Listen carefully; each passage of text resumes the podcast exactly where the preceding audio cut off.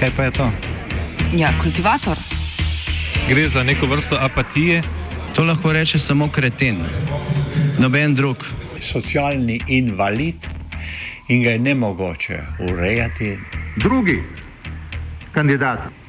Pa, pa pije, kadi, masturbira, vse kako ti lahko reče. Nihče tega ne ve. Vsak petek skultiviramo dogodek tedna. Lahko po kriterijih radio študent, težko pa po evropskih kriterijih. Ampak na drug način, kot vi tu mislite. Kultivator vedno užge. Da pač nekdo sploh omenja probleme, ki so, in da pravzaprav sploh nekdo sproži dogajanje uh, v družbi. To drži, drži.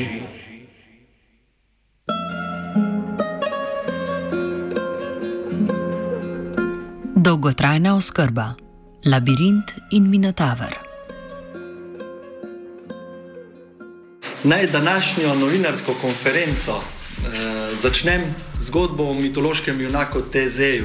Morda jo poznate. Eh, Tezej je bil v grški mitologiji največji jonski junak. In ko se je pri 16. napotil na pot do Aten, je bila lažja pot po morju. On se je odločil, zanimivo, za težjo pot in nevarnejšo pot po kopnem.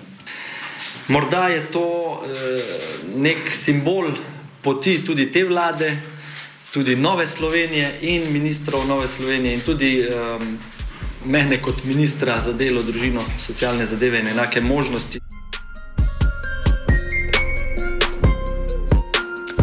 Je svojo ministersko trnovo pot ob začetku novinarske konference o predlogu zakona o dolgotrajni oskrbi epsko opisal ministr za delo, družino, socialne zadeve in enake možnosti Janez Cigler Kralj. A ob branju predloga zakona oziroma pri spremljanju javne razprave se zdi, da je ministrstvo ob pripravi predloga nekako uspelo obrati težjo, a hkrati manj primerno pot.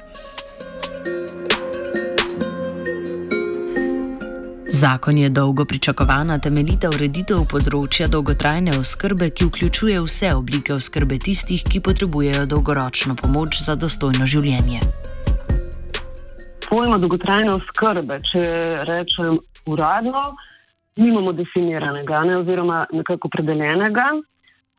Naslanjamo se predvsem na mednarodno definicijo, torej definicijo Svetovne zdravstvene organizacije, Evropskega statističnega urada in OECD-ja, ki pa dolgotrajno oskrbo opredeljuje kot niz oziroma množico različnih storitev, ki jih potrebujejo tisti ljudje, ki imajo zmanjšano stopnjo funkcionalne zmožnosti in ki so posledično v nekem daljšem časovnem obdobju odvisni od pomoči pri izvajanju temeljnih ali podpornih dnevnih opravil ali pa obojih. Se pravi, da nekako dolgotrajna oskrba temelji na ideji, da je potrebno oblikovati sistem oskrbe za tiste, ki potrebujejo organizirano, kontinuirano in neko stalno podporo in pomoč. Ne, tak sistem izhaja iz potreb ljudi in je nekako prilagojen a, vsakemu človeku posebej.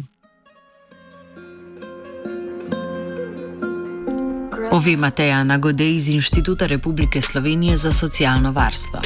Področje že dobrih 15 let ni celostno zakonsko urejeno, kar povzroča številne težave pri izvedbi programov dolgotrajne oskrbe. Ja, kot ste že samo omenili, na ta ukrep v Sloveniji čakamo že zelo veliko let, najbrž okrog 20 let. Pripravljenih je bilo, kot že vemo, kar nekaj predlogov. In prav to pripravljanje in čakanje na sprejem, na sprejem tega obljubljenega zakona je do neke mere uh, potrovalo tudi temu, da se pravzaprav uh, vsa področna zakonodaja ni posodabljala v takem tempu, kot bi se lahko, oziroma se ni, bom rekla, modernizirala v takšni meri, kot bi se morala. Ne? Se pravi, uh, da je to obdobje nekega, lahko rečem, vakuma. Uh, in tudi pravzaprav eden izmed ključnih razlogov za to, da je država mogoče odlašala z nekim korenitim spreminjanjem, spreminjanjem zakonskih aktov, uh, če se recimo navežem na področje socialnega varstva in recimo na področje urejanja socialne oskrbe na domu oziroma pomoči družini na domu, ki je pravzaprav neka temeljna storitev, ki se izvaja na domu uporabnika na področju dolgotrajne oskrbe.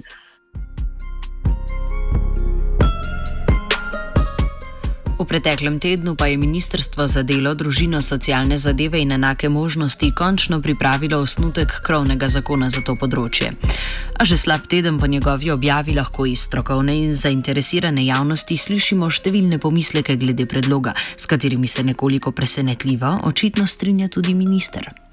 Z vidika Ministrstva za delo, družino, socialne zadeve in enake možnosti zakon ni v, vse, eh, v vseh pogledih usklajen. Naše predpostavke in naša izhodišča so bila, da ostane skrb za starejše v pristojnosti Ministrstva za delo oziroma Ministrstva za socialne zadeve in drugo, da se finančno breme za starejše in njihove svojce ne poveča. Ostalo, nekatere podrobnosti, Eh, tudi to, način eh, vrednotenja teh komisij, ki bodo odločale o tem, kateri nivo dolgotrajne oskrbe eh, pripada določenemu uporabniku, potencijalnemu uporabniku storitev dolgotrajne oskrbe, se bo gotovo še v javni razpravi veliko govorilo. V osnovi pa že imamo nekaj izkušenj, tudi po drugih zakonih, kako Eh, nastaviti kriterije uh, upravičenosti do storitev dolgotrajne oskrbe. Zakon torej ni jasen pri nekaterih ključnih vsebinskih področjih, naprimer kakšni bodo kriteriji za sprejem v oskrbovalne dome za ostarele. Zato je o učinkovitosti večine drugih določil zakona, kot je razdelitev oskrbovalnih domov v tri kategorije, nemogoče govoriti. Poleg pomembnih strokovnih vprašanj glede oskrbe je nedogovorjeno predvsem področje financiranja novega zakona, za uveljavitev katerega po prvih ocenah primankuje dobrih 300 milijonov evrov. Glede prispevne stopnje, ki jo je Ministrstvo za zdravje predlagalo kot vir uh, za primankljaj v financah, naj povem, da smo v Novi Sloveniji že začeli razpravo o tem. Nova Slovenija in tudi sam sem zelo zadržan do tega načina, uh, saj prinaša novo, dodatno obremenitev dela oziroma prihodkov iz dela. Zavedam se, da ne bo najlažje najti pravičnega in solidarnega uh, vira financiranja uh, za ta sredstva, ki nam še manjkajo. Hkrati pa verjamem v to, da bo širša javnost, strokovna in sicer uh, konstruktivno pristopila k iskanju rešitev in da bomo v teh, uh, mislim, da je 45 dni javne razprave, uh, našli dobre predloge, dobre alternative, kako um, pokriti ta manjko v javnih sredstvih, ki bi za ta nivo, kot je sedaj predlagan, uh, storitev dolgotrajne oskrbe, bil potreben. Zakon sicer predvideva način za zagotovitev dodatnih sredstev, ki bi jih deloma pridobili s povišanjem prispevne stopnje in deloma z dodatnimi sredstvi, ki bi jih zagotovili iz bazena dodatnega zdravstvenega zavarovanja. S tem predlogom je nepresenetljivo nezadovoljen tudi sam minister. Dejansko v predlogu zakona, ki je šel v javno razpravo, je predlog, kje in kako dobiti ta sredstva. Povedal sem, da je Nova Slovenija res precej zadržana do tega načina, in uh, to pa lahko rečem, da se zavezujemo, da bomo sami uh, prišli z alternativnim predlogom ali pa alternativnimi predlogi v to smer. Naj bi šli ti predlogi, da ne bi dodatno obremenjevali prihodkov iz dela, kajti delo je v Sloveniji že zelo močno obremenjeno s prispevki in davki. Če govorimo čisto hipotetično, smo v Novi Sloveniji že predstavljali nekatere zamisli. E, morda bo bolje za konkretne predloge počakati nekatere preračune, ker je zdaj več stvari jasnih, e, da manjka okoli, okoli 300 milijonov za ta nivo oskrbe. Ampak e, menimo pa, da bi lahko obstajal potencial v um, smeri preoblikovanja ali dodelave tega obveznega dopolnilnega zdravstvenega zavarovanja, kar smo tudi že v bližnji preteklosti javno predstavljali. Nejasnosti glede določil in predvsem kvalitete zakona so toliko bolj presenetljive ob dejstvu, da sta predlog usklajevala praktično zgolj dve ministrstvi: Ciglerjevo ministrstvo za delo in ministrstvo za zdravje, ki je predlagatelj zakona. Pričakovanega sodelovanja s socialnimi partnerji ni bilo, pove Irena Ilešič Čujovič, ki se strinja, da je težava predvsem v dolgoročni neurejenosti področja dolgotrajne oskrbe. Gre za, za to, da nihče ni temu posvečal dejanske, bom rekla, pozornosti 20-30 let. In zdaj imamo področje, ko je stara družba, ne, oziroma starajoča, hitro starajoča se družba, ki potrebuje neke, um, neke inpute, mislim, enostavno je to tako. Um, pri pr vojski, pri policiji, pri uh, šolstvu to bolje razumemo, medtem ko uh, področje dolgotrajne skladbe oziroma uh, pač starostnikov je bilo pa res predolgo zanemarjeno in jaz upam, da zdaj pač po, po večjih uh, pozivih, da bomo se tega res lotili. Je pa škoda, ne, da je ta zakon šel v javno obravnavo brez um, nekega širšega družbenega konsenza. Govorim tudi o tem, da smo na ekonomsko-socialnem svetu določili uh, pogajalsko skupino, torej, ki je sestavljena iz predstavnikov delodajalcev, uh, sindikatov in pa vlade, ki bi morala o tem zakonu nek, nekako doseči uh, konsens. Pa nam sploh, jaz sem tudi članica te pogajalske skupine, nam sploh ni bil posredovan, posredovan zakon. Kaj šele, da bi se o njem pogajali. Kot podari Čujovič Ilešič, je eden večjih problemov na področju dolgotrajne oskrbe pomankanje kadrov, za kar je med drugim kriva prav neurejena zakonodaja in s tem povezana strukturna zmeda.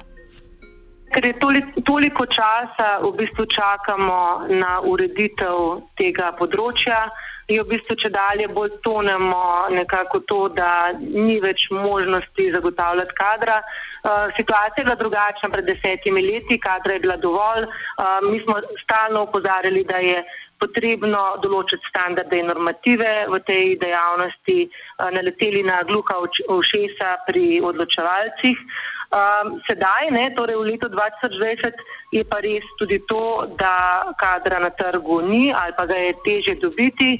Jaz mislim, da je bolj ključno vprašanje preobremenjenosti torej in odsotnosti uh, kadrovskega, uh, pač novih kadrov, kot pa plačila za delo. Seveda je pa to eno z drugim tudi povezano. Slabe razmere, nižje plače in neurejena delovna razmerja pomenijo, da se vedno manj mladih odloča za delo v skrbi pomoči potrebnih. Enostavno je težko delati. Če ti prideš v domu pokojnicev kot uh, mlad človek po šoli in ugotoviš, da boš moral v enem dnevu uskrbeti 30, 40, 50 nepokretnih uh, oseb, um, se tega ustrašiš. To je čisto, čisto taka posledica stanja, ki je. Enostavno je nemogoče, če si mlad človek in si predstavljaš, da boš pač uh, umirjeno uh, delal. Tega umirjenega dela v domovih že dolgo časa ni videti, če se samo na domove, na institucionalno varstvo uh, zdaj skoncentriram. Med glavnimi cilji zakona, kot so jih predstavili predlagatelji, je povečanje števila oskrbovancev, ki pomoč prejmejo na domu. S tem po besedah ministra Cigler Kralja ne bomo zmanjšali števila varovancev v domovih, ampak poskrbeli za to, da pomoč prejmejo tisti, ki je zdaj ne prejemajo. Več kot 20 tisoč starejših uh, oseb potrebuje storitve dolgotrajne oskrbe. In uh, lahko rečem, da velika večina je že sedaj eh, opravljena teh storitev v neformalni oskrbi, torej ko je starejši doma, ko njegovi družinski člani poskrbijo za njega, ko mu nudijo vse potrebno, da je lahko doma. Glede na demografska gibanja, pa lahko tudi vidimo z veliko gotovostjo, da se bo potreba po storitvah dolgotrajne oskrbe povečala, tudi v številkah.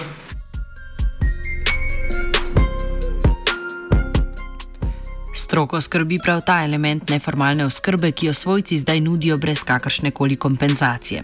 Ob staranju prebivalstva in nadaljni urejenosti področja se bo količina tega dela, ki ga bodo družine morale opraviti ob običajnih življenjskih obremenitvah, večala. Na dolgi rok, brez aktivnega reševanja problematike, to vodi v generacijske konflikte in slabšanje oziroma celo opustitev skrbi za ostarele in druge pomoči potrebne. Oskrba na domu, če jo opravi strokovno osebje z državno pomočjo, je sicer pogosto najboljša oblika dolgoročne oskrbe. V prvi vrsti postaviti oskrbo, uh, ki se bo zagotavljala v domačem okolju. Se pravi, da postavimo oskrbo na domu na prvo mesto. In temu se pravzaprav Slovenija zavezuje že zelo veliko let v okviru različnih uh, strateških dokumentov, se pravi, v okviru nacionalnih programov, resolucij. Uh, tega v Sloveniji pravzaprav že dolgo zavedamo in nekako si na strateški ravni to tudi prizadevamo. In absolutno je treba ljudem omogočiti izbiro. In uh, ena izmed možnosti je zagotovo ostajanje na lastnem domu, se pravi spodbujanje oskrbe na domu. Tu, uh, pravzaprav v zadnjem obdobju niso bili storjeni uh, neki veliki premiki, oziroma, kot sem že prej omenila, uh, modernizacija zakonodaje v tej smeri. A izbira oblike oskrbe oskrbovancem ni vedno na voljo, kar je predvsem posledica pomankanja kapacitet, pravi biserka Marold Meden iz društva Srebrna nit. Največji problem je, da vsi tisti starejši, ki pomoč potrebujejo, ne morejo te pomoči koristiti, ker je prvič premehna ponudba, tako v institucijah, to pomeni, da je premalo postelj v domovih starejših, v stanovanskih skupinah, v negovalnih bolnišnicah in tako naprej, in da tudi pomoči na domu, ki uh, so jo deležni ljudje, ki pač jo potrebujejo, pa nimajo možnosti, da so sprejeti v institucijo, je prvič ta pomoč omejena na 20 ur tedensko, kar je recimo za osebe z napredovalno demencom popolnoma nesprejemljivo, ker rabijo stalen nadzor. In tudi cena te pomoči je tako visoka, čeprav jo sofinancirajo občine, da je za veliko večino upokojencev s preniskimi pokojninami uh, nedostopna. Potem pa še v bistvu nimaš nobene možnosti izbire, ko potrebuješ pomoč. Ne moreš izbirati med tem, ali boš šel v to ali ono institucijo, ali boš ostal v kraju bivanja, ali boš moral iti 100 km stran, kjer boš le končno dobil nek prostor,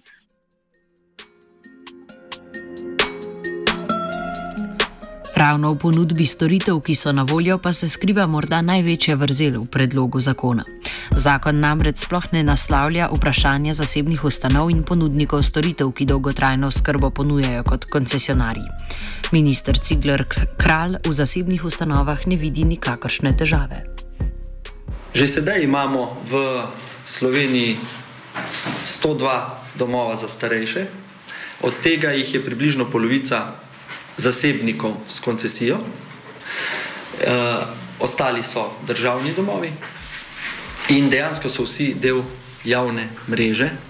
Bistveno je to, da javni mreži predpišemo vse standarde in normative, nivo storitev in preprečimo, e, da bi kdo na skrbi, o skrbi starejših iskal samo profit.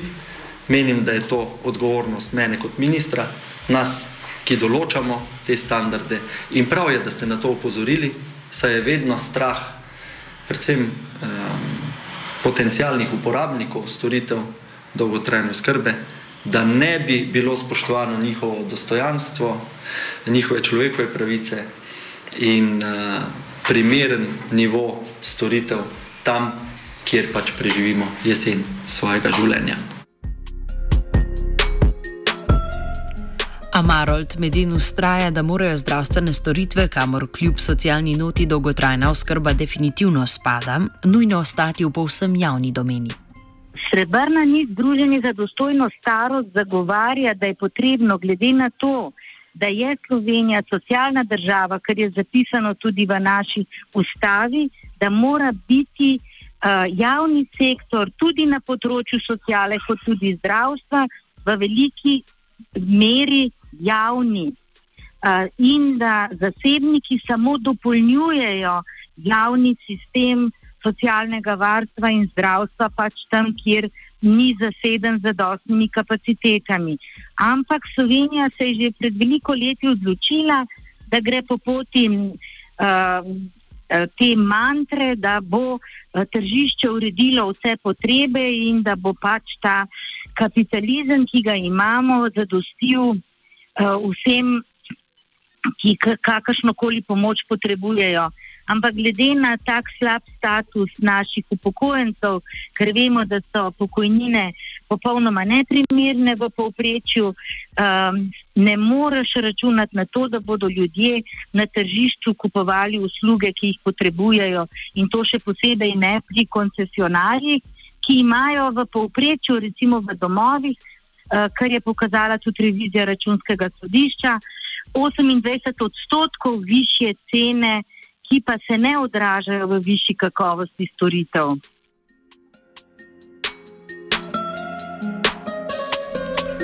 Ob toliko nedorečenih parametrih v zakonu, predvsem kar se tiče financiranja večjega obsega storitev, se tudi v strokovni javnosti upravičeno pojavlja strah, da bo zakon, ki naj bi končno uredil področje dolgotrajne oskrbe, vedno številčnejšo populacijo ljudi, ki pomoč potrebujejo, potisnil izven sistema javne oskrbe. Zanesti se bodo torej morali bodi si na tržno dostopne rešitve, katerih cilj je prepogosto doseganje čim večjega dobička na račun ranljive populacije, bodi si na pomoč svojcev. Upati je, da bo ministrstvo v javni razpravi končno prisluhnilo stroki in socialnim partnerjem in nedorečene dele zakona uredilo na primeren način. Podaj se bomo za vsak slučaj v redakciji še nekoliko zbližali z mlajšimi člani našega sorodstva.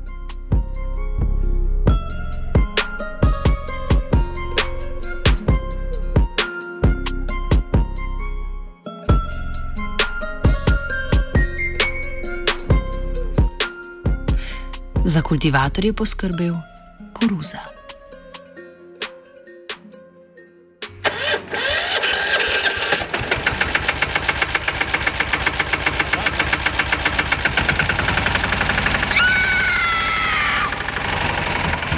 E, kaj pa je to? Ja, kultivator. Gre za neko vrsto apatije. To lahko reče samo kreten, noben drug.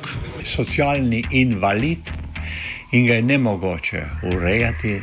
Drugi kandidat. Pa, eh, pa pije, kadi, masturbira, vse kako hoče, lahko reče. Nihče tega ne ve. Vsak petek skultiviramo dogodek tedna. Lahko po kriterijih radio študent, težko pa po evropskih kriterijih. Ampak na drug način, kot vi tu mislite. Kultivator vedno užge. Da pač nekdo sploh omenja probleme, ki so, in da pravzaprav sploh nekdo sproži dogajanje uh, v družbi. To drži, drži.